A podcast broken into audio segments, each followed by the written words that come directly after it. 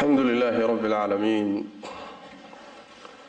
wbihi nastaciinu cla umuuri اdunya wاddiin wsli اllahuma wslm cla nabiyina muxamadi wcla alihi wصaxaabatih ajmaciin ama bacd ayuha اlإkhwaة wاlأkhawaat allah tabaaraka wa tacaala xikmadiisa xeesha dheer iyo galladiisa addoommadiisa uu ku galladaysanayo darteed ayuu rabbi tabaaraka wa tacaala addoommadiisa wuxuu siiyey wakhtiyo fadli siyaada a leh iyo jaanisyo ay ilaahay u dhowaadaan tabaaraka wa tacaala. Rabbi tabaaraka wa tacaala khalqigiisa qaar buu qaarka kale ka fadilay malaa'igtuu kala fadilay oo basharkuu kala fadilay ambiyada iyo rusushuu kala fadilay dhulka iyo zamanka ayuu kala fadilay. Qaar buu qaarka kale siyaado ka siiyey. Xikmaddiisa xeesha dheer darteed. Zamankan aan hadda ku jirniyo wakhtigan aan ku jirno wuxuu ka mid yahay wakhtiyada allah tabaaraka wa tacaala uu siyaadada iyo fadliga siiyey buu ka mid yahay. Waxaa maanta kow ah oo inoo dhalatay bishii dilxija ama carafa sida soomaalidu u taqaano bishan bilowgeeda ilaa tobanka beriya u horreeya waa toban beri oo wata khayr siyaado ah iyo fadli siyaado ah. Taana waxay ka sugan tahay nebigeenna salawaatu rabbi wasalaamuhu calayh. Waxa uu rasuulku leeyahay ma jiro maalmo camal wanaagsan oo la sameeyo uu ka khayr badan yahay tobankan maalmood dhexdooda camalka la sameeyo. Yacnii camal khayr ah oo ilaahay loogu dhowaado waxaa ugu fadli badan sannadka oo dhan maalmihiisa maalmahan tobankee bisha dilxija camalka lala yimaado ayaa ugu fadli badan saxaabadu ridwaanullaahi calayhim waxay nebiga weydiiyeen arrin ayaga agtooda caan ka ahayd inay wax la sameeyo ugu fadli badan tahay. Markuu nebigu yidhi camal maalmahan la sameeyaa ugu fadli badan. Waxay yidhahdeen rasuul ilaahay ow xataa jihaadka ilaahay jidkiisa lagu jihaado miyay ka fadli badan yihiin acmaasha maalmahan la sameeyo markaasaa nebigu wuxuu yidhi sal lla lay waslam haa xataa jihaadka waa ka fadli badantahay ilaa hal nin mooye. Ninkaasoo xoolihiisiiyo naftiisiiba goobta la tegay wa fii riwaaya meelaha khatartay halista a la galay. Kadibna aan nafna la soo noqonin xoolana la soo noqonin.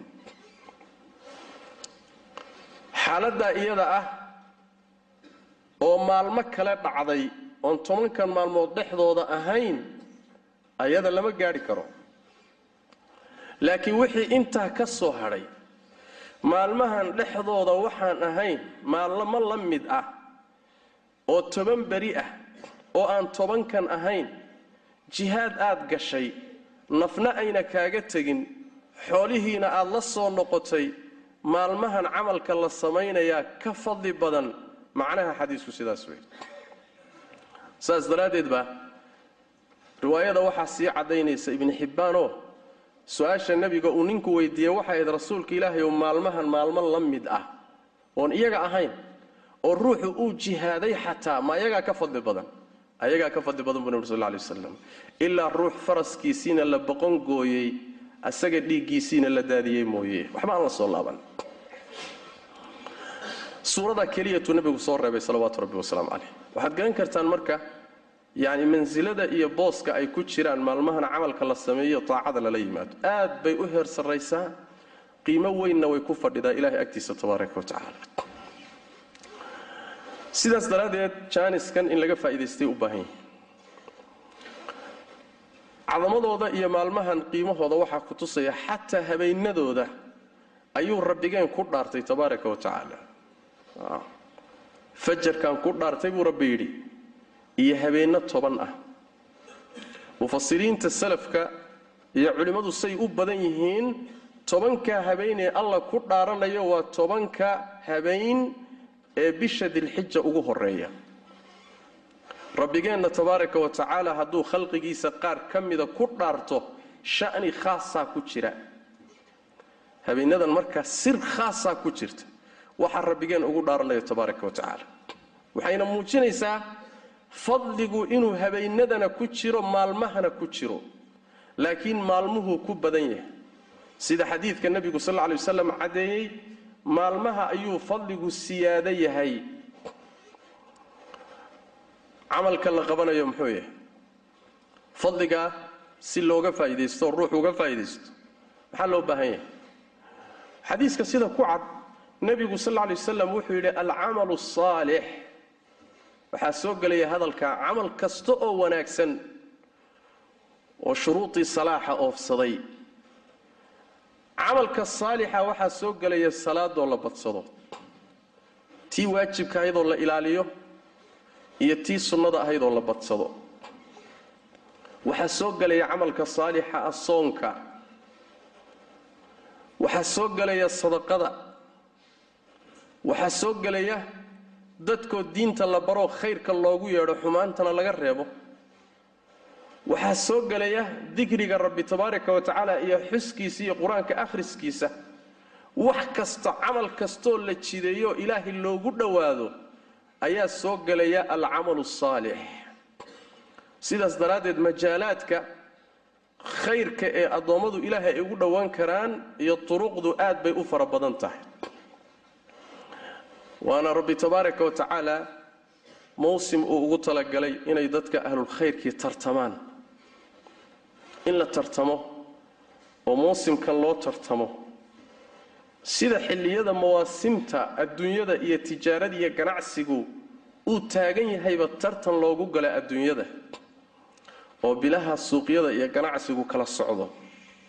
Sida dadaalka siyaadada loogu galo si aan yani lagaaga faa'iido badanin waxaa ka habboon muusimka aakharo in aan tartankiisa lagaaga badanin oo ka faa'iidaysigiisa aan lagaaga badsanin oo ribixiisa aan lagaaga badsanin fikirku inuu dhankaa u bato baa laga maarmaan ah. Sida aad dadaalka ugu jirto muusimaadka mawsimka tijaaraadka iyo beecaha iyo shiraha aad nin walba ka faa'iido badso u leedahay. Soo kama habboona adduunyada iyo ganacsiga adduunyada wax ka khayr badan oo ganacsi aakhara ah inaad tartankiisa gasho. Laa shak ciddii caqli loo garasho leh allana waafajiyo waa garan karaa sidaas daraaddeed inaynu ka faa'iidaysanno oo taacada rabbi tabaaraka wa aynu badinno ayaa laga maarmaan ah. Khaasatan nebigeenna salawaatu rabbi wasalaamu caleyh xadiidka axmed uu soo saaray wuxuu leeyahay maalmahan waa maalmaha camal la sameeyo ilaahay ugu jecel yahay waxaad badisaan tahliisha laa ilaaha ila allah waxaad badisaan takbiirta allahu akbar. Waxaad badisaan taxmiida alxamdu lilah dikriga rabbi tabaaraka wa carabkiina ku badiya waxaa macnaha isaguna tilmaamaya aayadda qur'aanka fii suurati alxaj alla ku yidhi tabaaraka wa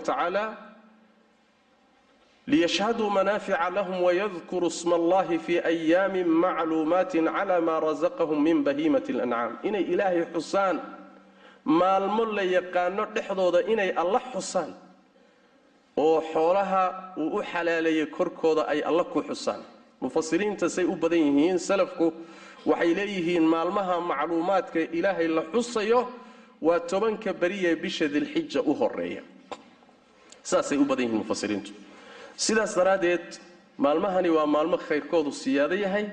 Dadka muslimiintana la dooyanayo inay isu diyaariyaan say uga faa'idaysan lahayn waxyaalaha looga faa'idaysan karo waxaa ka mida soonka khaasatan maalmahoo dhanna waa la wada soomi karaa. Marka laga reebo maalinta tobnaad oo maalinta ciidda ah sagaalka beriga ka horreeyaba waa la soomi karaa.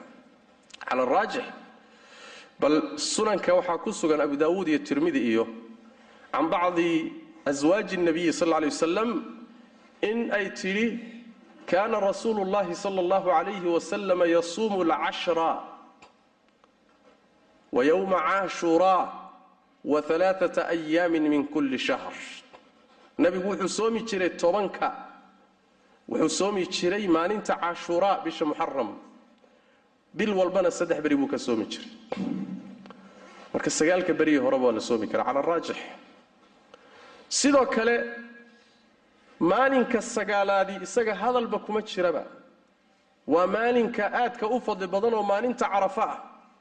Nabigeenna salawaatu rabbi wasalaamu calayh waxaa la weydiiyey maalinkaas soonkiisaa la weydiiyey. Xujaydu carafay taagan yihiin markaasaa nebigu wuxuu yidhi sal ly wasalam maalinkaasi waxaa ilaahay ku dhaafaa maalinkaas soonkiisa ilaahay wuxuu ku dhaafaa oo ku cafiyaa sannadkii hore wixii dembi ahaa iyo sanadka soo socda wixii dembi ah.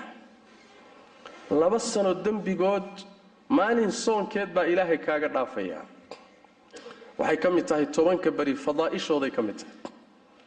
Maalinka tobnaad oo maalinta ciidda ah ayadana sidoo kale waa maalinta xajku ugu wen yahay yowma alxaji alakbar waay waa maalin aad u fadli badan waay iyada lama soomi karo laakiin taacaad kaloo aad u fara badan baa maalmaha lala imaanaya.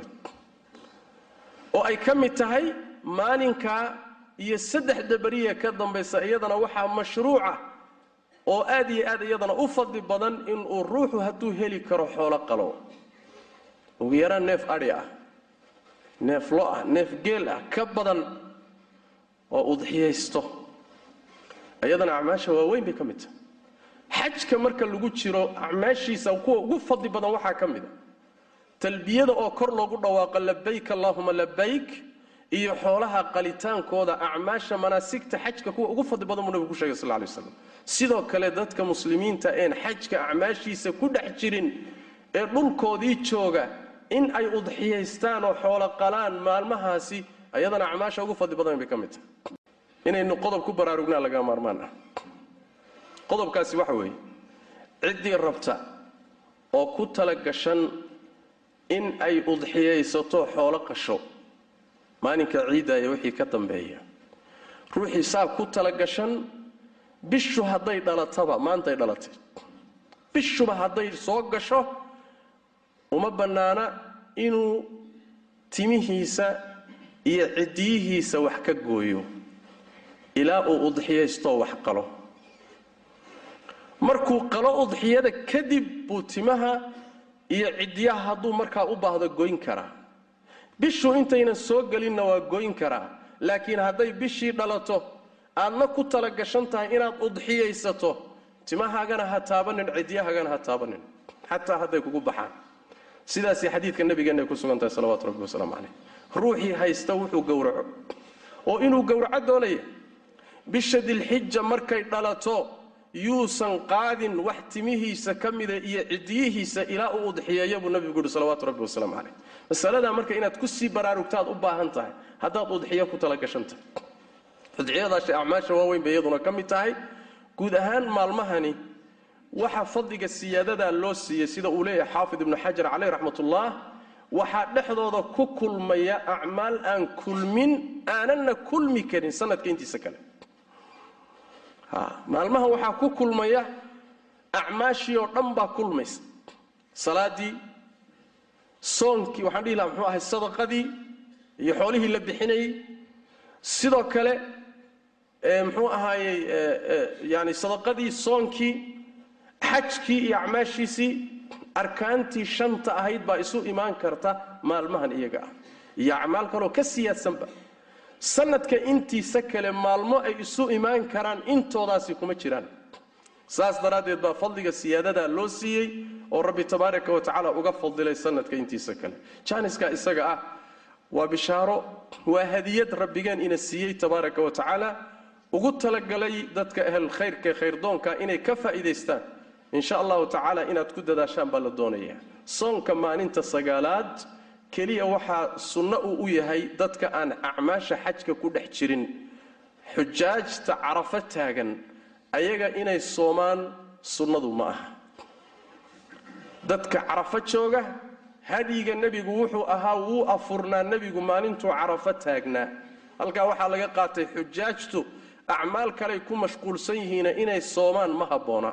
Laakiin dadka aan xajka ku jirin baa maalinta carafa ay sunno u tahay in ay soomaan saluu wslimuu cla khatami اlanbiyaai wاlmursaliin allahuma salli wslim wbaarik cla cabdika wrasuulika muxamed wcla alihi wصaxbihi ajmaciin ward allahuma can الصaxaabati wاtaabiciina wtaabiciihim wman tabicahum bixsan ila ywm اddiin allahuma ina nasأlka min alkhayr kulih caajilih waajilih ma calimna minh wma lam naclam wnacuudu bika min ashari kulih caajilih waajilih ma calimna minh wma lam naclam allahuma ya xayu ya qayuum biraxmatika nastagiis ردنا إليك ردا جميلا ووفقنا لما تحب وترضى اللهم وفقنا لما تحب وترضى اللهم إنا نعوذ برضاك من سخطك وبمعافاتك من عقوبتك وبك منك لا نحصي ثناء عليك أنت كما أثنيت على نفسك اللهم إنا نسألك الجنة وما قرب إليها من قول وعمل ونعوذ بك من النار وما قرب إليها من قول وعمل اللهم إنا نسألك من خير ما سألك منه عبدك ورسولك محمد صلى الله عليه وآله وسلم ونعوذ بك من شر ما استعاذك منه عبدك ورسولك محمد صلى الله عليه وآله وسلم اللهم اغفر للمسلمين والمسلمات والمؤمنين والمؤمنات الأحياء منهم والأموات برحمتك يا أرحم الراحمين اللهم أعز الإسلام والمسلمين وذل الشرك والمشركين ودمر أعداء الدين يا رب العالمين اللهم من أرادنا وأراد المسلمين بسوء فأشغله في نفسه ورد كيده في نحره واجعل تدبيره في تدميره يا أرحم الراحمين اللهم إنا نعوذ بك من شر كل ذي شر يا حي يا قيوم اللهم إنا نسألك الخير كله ونعوذ بك من الشر كله اللهم إنا نسألك إيمانا صادقا وقلبا خاشعا ولسانا ذاكرا وcmلا mتqبلا ya أرxم الراaحimiin اllهma ina نacuudu bka min cilmi la ynfc wmin qalbi la ykشhc wmin nafsi la tشhبc wmin dacwat la tsmc subxaank اllhma bxamdika nشhhad an la ilaha ila anta nstغfirka wntuub